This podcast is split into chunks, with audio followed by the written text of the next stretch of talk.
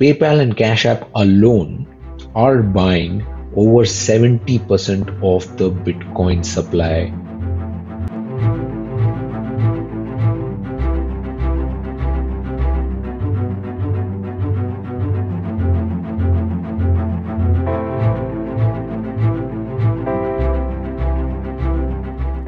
So, guys, this is the part two of our previous episode, which was on why are we bullish on Bitcoin. Vishesh gave us multiple reasons and multiple happenings around Bitcoin from this year in the previous episode. In this episode that continues, he has a lot more examples, lot more news to share with you. Over to Vishesh.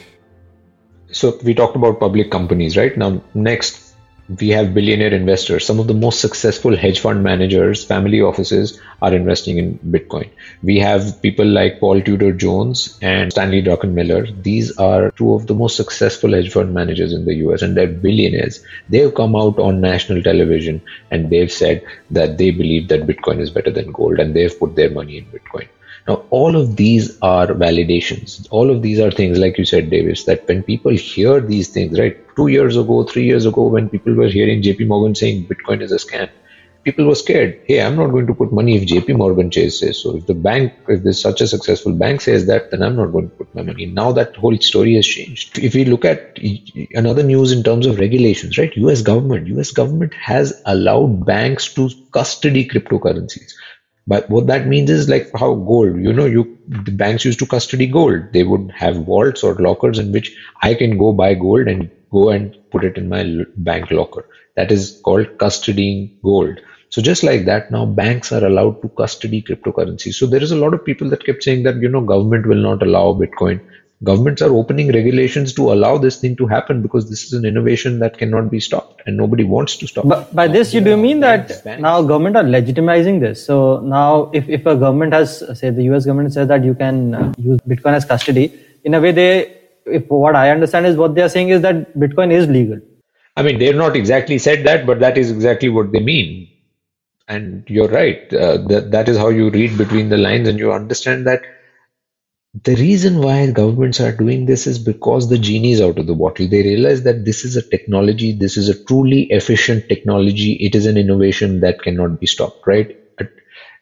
an efficient technology and innovation just cannot be stopped. And if US government tries to ban it, China will still do it, Russia will still do it, and then they will beat them at their game. So it is in no government's interest to now try and stop this because somebody else will just go past them. That's really why this is happening. Some of the other statistics, if you look at this year, right, banks to crypto payment settlement ne- networks, the numbers here, they have increased over five times in the last four quarters. We have applications that are being built by startups for, you know, Bitcoin payments, rewards, lending and borrowing services. All these businesses are thriving, backed by some of the top venture capitalists in the in the country.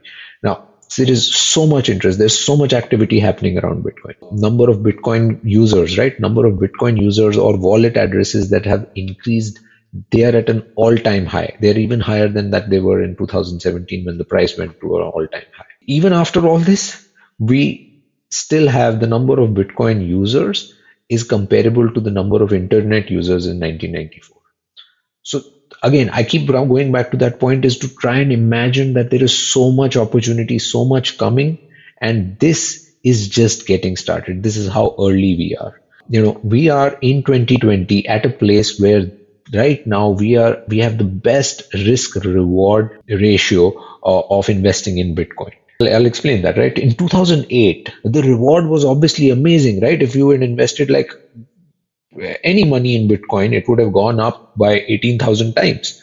But imagine how much risk there was. We did not know whether this technology is good. We knew nothing about blockchain. We did not know whether governments will ban it. We did not know whether copying Bitcoin like it happened in 2017 would be a success or a failure. We did not know anything, but Bitcoin over these 12 years has hardened. It has become strong by going through all these tests, and it is now at a place where people feel more comfortable to all those risks and with these US government and other governments also putting regulations around it that are legitimizing Bitcoin, that is basically making the risk diminish a lot more. But there is still a huge reward in front of us. So from a risk reward standpoint, today is a great time to buy Bitcoin because now you can make a smart choice. Back in 2008, you were making a speculative choice. You were taking a gamble. Yes, you could have made a lot more money, but you didn't know whether it's going to, you know, pass or fail. So in hindsight, that crash was actually good. Uh, it, it, was good. Hmm, it, it gives us a lot more uh, as an investor also it gives us more lot more clarity to go back to that and see what is happening but for bitcoin in itself it has uh, you know probably amplified the acceptance or the amplified the whole technology amplified everything that bitcoin stands for today absolutely absolutely so and another big news that i didn't mention was paypal right so paypal is this payments company in the US. Uh, um, this is a global payments company, and they recently they're direct competitor to Square. So yeah, actually, I should talk about Square also, right? So Square, which you know Jack Dorsey's company, who put 10% of their treasury reserve into Bitcoin. Aside from that, they also last year started selling Bitcoin on their app. They have an app called Cash App. And in that app, you can do peer to peer payments. So if I want to send you some money, I don't have to send it to your bank account. I can just send it to your Cash App account. And it's quick and easy transfer of money. So that is the service, something similar to what PayPal does. They're a PayPal competitor. But one thing that they dif- did differently is last year they started selling Bitcoin on their Cash App. And their revenues have gone through the roof. Their revenues in the last one year have grown 11 times 11 times. I mean, who grows like at that rate? Eh, between Q2 and Q3, Cash App's revenues from Bitcoin sales have doubled. So every quarter they're doubling. So they are going through crazy numbers. Now, other competitors notice this, and PayPal did. PayPal is the biggest player in this payment network services, it's the biggest global player. And they last month announced, and I wouldn't be shocked that they did it as a reaction to how successful a small company like Square is with selling Bitcoin, that PayPal just announced that they're going to sell Bitcoin and a few other cryptocurrencies on their applications because they want to join the party. They want to be able to make money from this huge opportunity. And they are so huge. PayPal has 330 million users worldwide. We can't even imagine the impact. And right now, that is actually happening. A lot of people believe that the price of Bitcoin that is going up right now is because of the number of PayPal and Cash App users buying Bitcoin. Some statistics say that PayPal and Cash App alone are buying over 70% of the Bitcoin supply that is coming in new Bitcoin that is being mined. Remember, we said 21 million Bitcoin only. So far, there are only 18 and a half million Bitcoin out there in the world.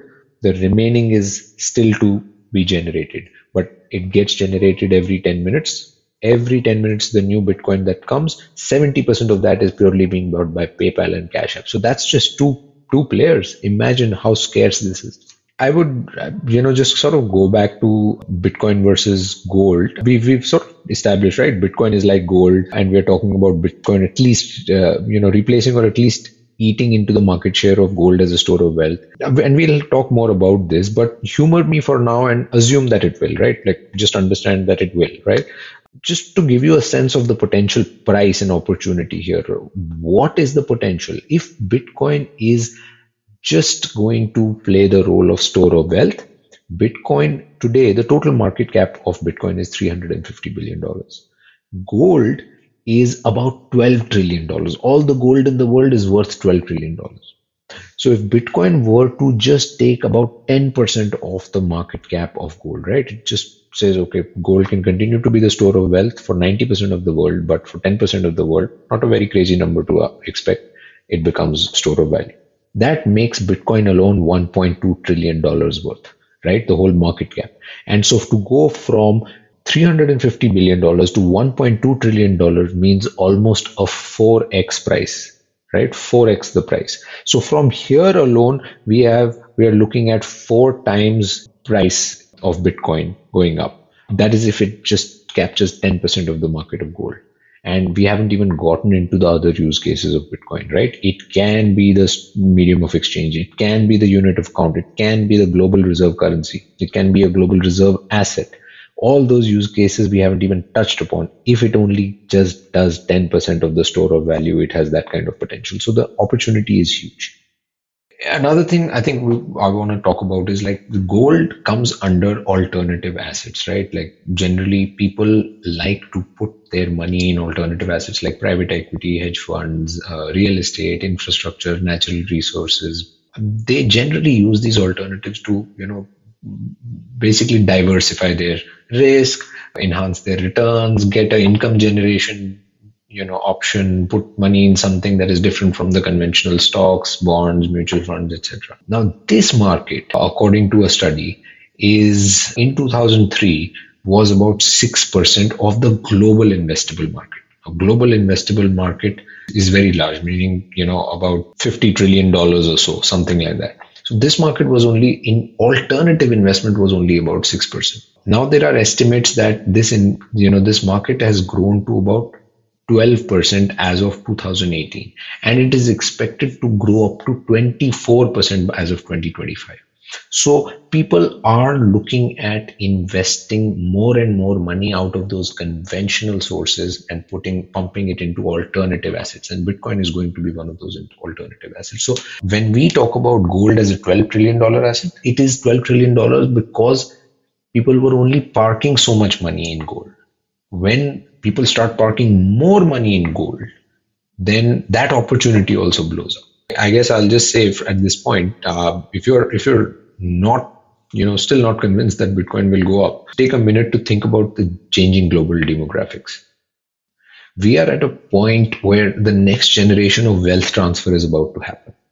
We have millennials and Gen Zers who are Gen Zers who are literally born into the digital age with smartphones and tablets all around them, they've just never seen world without, you know, digital. Now, these are the people that are going to be inheriting wealth from their parents, grandparents, and the previous generations.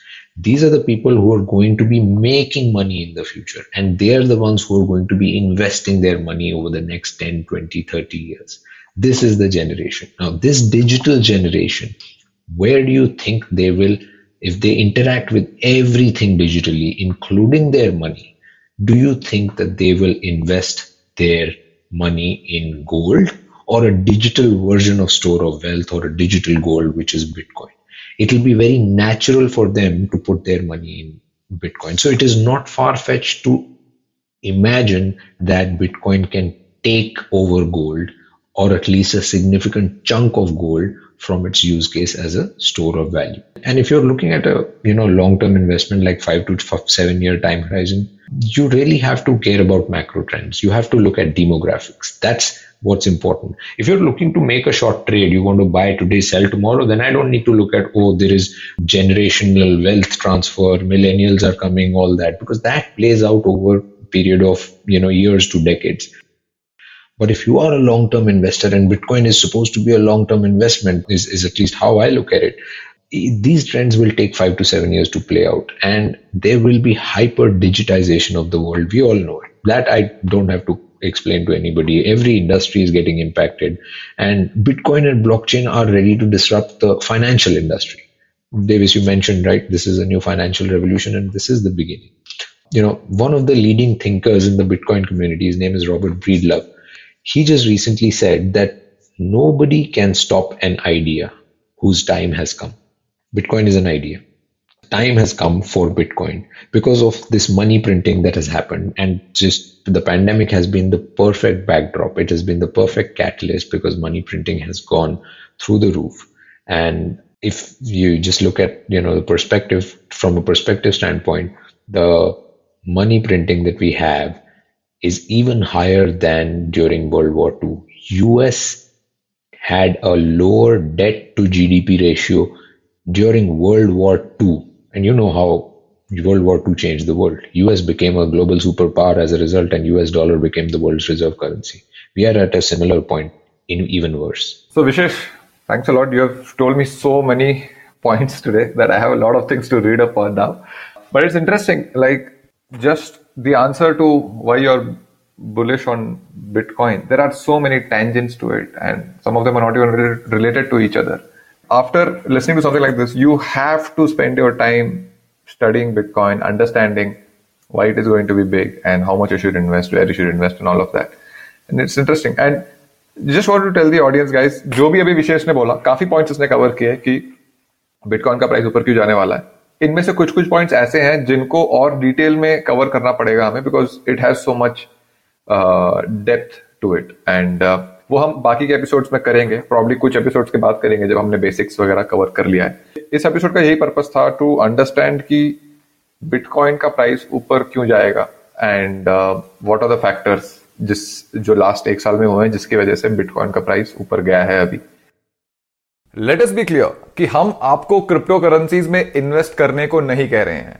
हम बस information और हमारी opinion share कर रहे हैं।